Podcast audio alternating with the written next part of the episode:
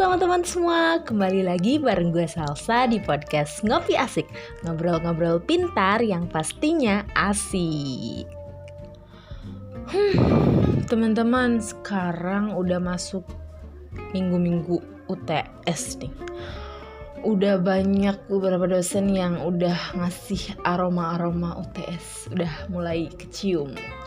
Udah mulai netepin hari UTS-nya udah mulai ngasih tugas buat UTS ya beginilah kuliah jadi nikmatin aja Oke teman-teman, semangat terus yang lagi mau UTS. Semangat, tetap jaga kesehatan, tetap jaga pola makan, tidur yang cukup juga. Oke? Kali ini gue bakal bahas tentang administrasi. Terakhir kita bahas administrasi itu tentang aspek-aspek dasar administrasi. Untuk kali ini, gue bakal bahas tentang alur atau proses administrasi penyuluhan. Nah, untuk untuk administrasi sendiri pasti kalian udah sering banget denger ya. Jadi uh, sering banget gue bahas juga di podcast ini. Jadi ya itu insya Allah lah kalian udah paham gitu. Nah, yang bakal gue bahas sekarang ini adalah penyuluhannya. Nah, penyuluhan itu kalau dari katanya, arti katanya itu artinya suluh, berasal dari kata suluh yang artinya penerang atau menerangi gitu. Jadi penyuluhan itu adalah sebagai penerang gitu yang menerangi. Nah, kalau secara istilah penyuluhan adalah pendidikan non formal yang ditujukan untuk kelompok masyarakat yang dilakukan secara teratur dan sistematis demi tercapainya perubahan perilaku yang berkelanjutan dan terciptanya peningkatan kualitas, produktivitas dan lainnya.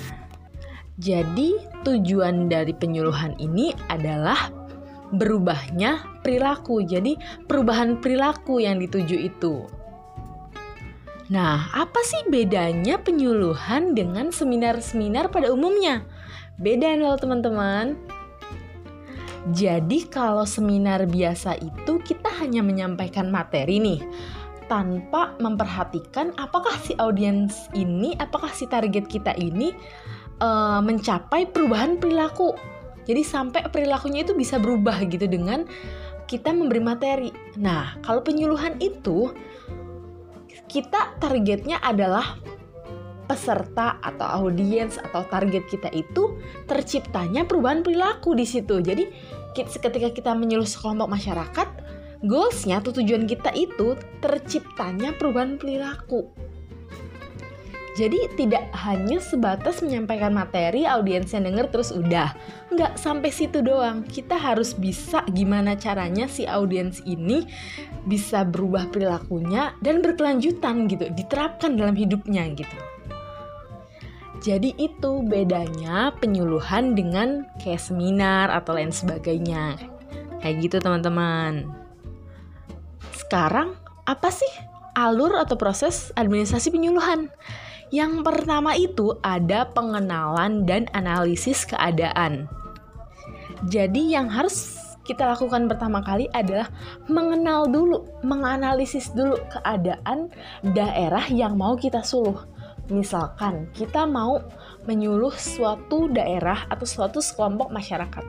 Nah, saat itu kita harus mengenali dulu daerah tersebut itu seperti apa, budayanya kayak gimana, kultur masyarakatnya seperti apa, kesukaan-kesukaan mereka apa, atau ketidaksukaan mereka itu kayak gimana. Kita harus tahu dulu supaya kita nggak salah langkah, supaya kita nggak salah menetapkan kegiatan gitu nantinya. Nah, setelah kita tahu, setelah kita menganalisis uh, target kita atau sekelompok masyarakat yang kita tuju, selanjutnya adalah penetapan tujuan program. Jadi di tahap ini kita harus menentukan tujuan program kita apa. Di sana itu kita tujuannya apa, mau melakukan program apa gitu. Nah, misalkan kita tujuannya itu programnya memberantas buta Al-Qur'an, buta huruf Al-Qur'an di daerah tersebut. Maka nantinya kegiatannya itu akan berkaitan dengan tujuan program tersebut. setelah kita tetapkan, tahapan berikutnya adalah penetapan alternatif kegiatan. Nah, di sini kita bakal menentukan nih kegiatan apa aja yang bakal kita adakan di sana. Misal untuk remaja kita pengen kegiatannya ini, untuk uh, anak-anak kita kegiatannya ini, untuk orang dewasa kita kegiatannya ini.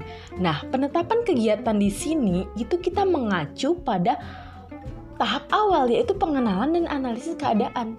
Nah, yang pengenalan dan analisis keadaan itu berguna banget nih buat menentukan kegiatan apa aja yang bakal kita lakuin di sana.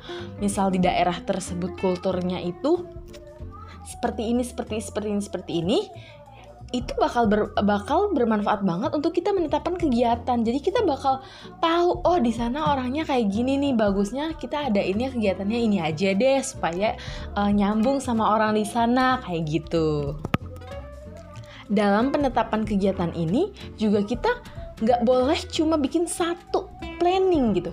Kita harus punya banyak planning, plan A, plan B, plan C ataupun plan D gitu. Karena nantinya suatu saat ketika kita uh, menghadapi suatu yang tidak kita duga, sesuatu, yang, yang tidak kita inginkan yang tiba-tiba terjadi, kita masih punya banyak planning-planning lain gitu. Kita tidak hanya punya satu planning. Jadi kita juga di sini menetapkan alternatif kegiatannya juga eh, nggak uh, apa-apa gitu. Kita tetapin banyak aja. Kita punya uh, kegiatan ini, ini, ini, ini gitu nanti yang nantinya kita pilih. Selanjutnya itu ada penetapan kegiatan terpilih. Nah, di sini baru nih kita tetapin kegiatan yang terpilihnya apa dari sekian kegiatan yang kita udah pikirin alternatif-alternatif kegiatannya, kita pilih mana-mana aja kegiatan yang bakal kita adain di sana. Misal tiga kegiatan atau empat kegiatan atau lain sebagainya. Seperti itu. Nah, setelah itu baru deh pelaksanaan kegiatannya. Di sini kita laksana itu prak, kita laksanain kegiatannya, penyuluhannya, anak kecil, remaja, dewasa atau ya planning-planning apa aja yang udah kita rencanain. Nah gitu teman-teman Gimana? Udah paham belum? Semoga paham ya Hmm, untuk episode kali ini bentar banget ya, cuma berapa menit gue ngomong. Tapi nggak apa-apa, semoga um, meskipun sedikit tetap bermanfaat buat kalian semua. Oke, okay, gue Salsa undur diri. Sekian dulu dari podcast Ngopi Asik. Semoga podcast ini bisa menemani hari-hari kalian di mana pun kalian berada. Sampai jumpa di episode berikutnya.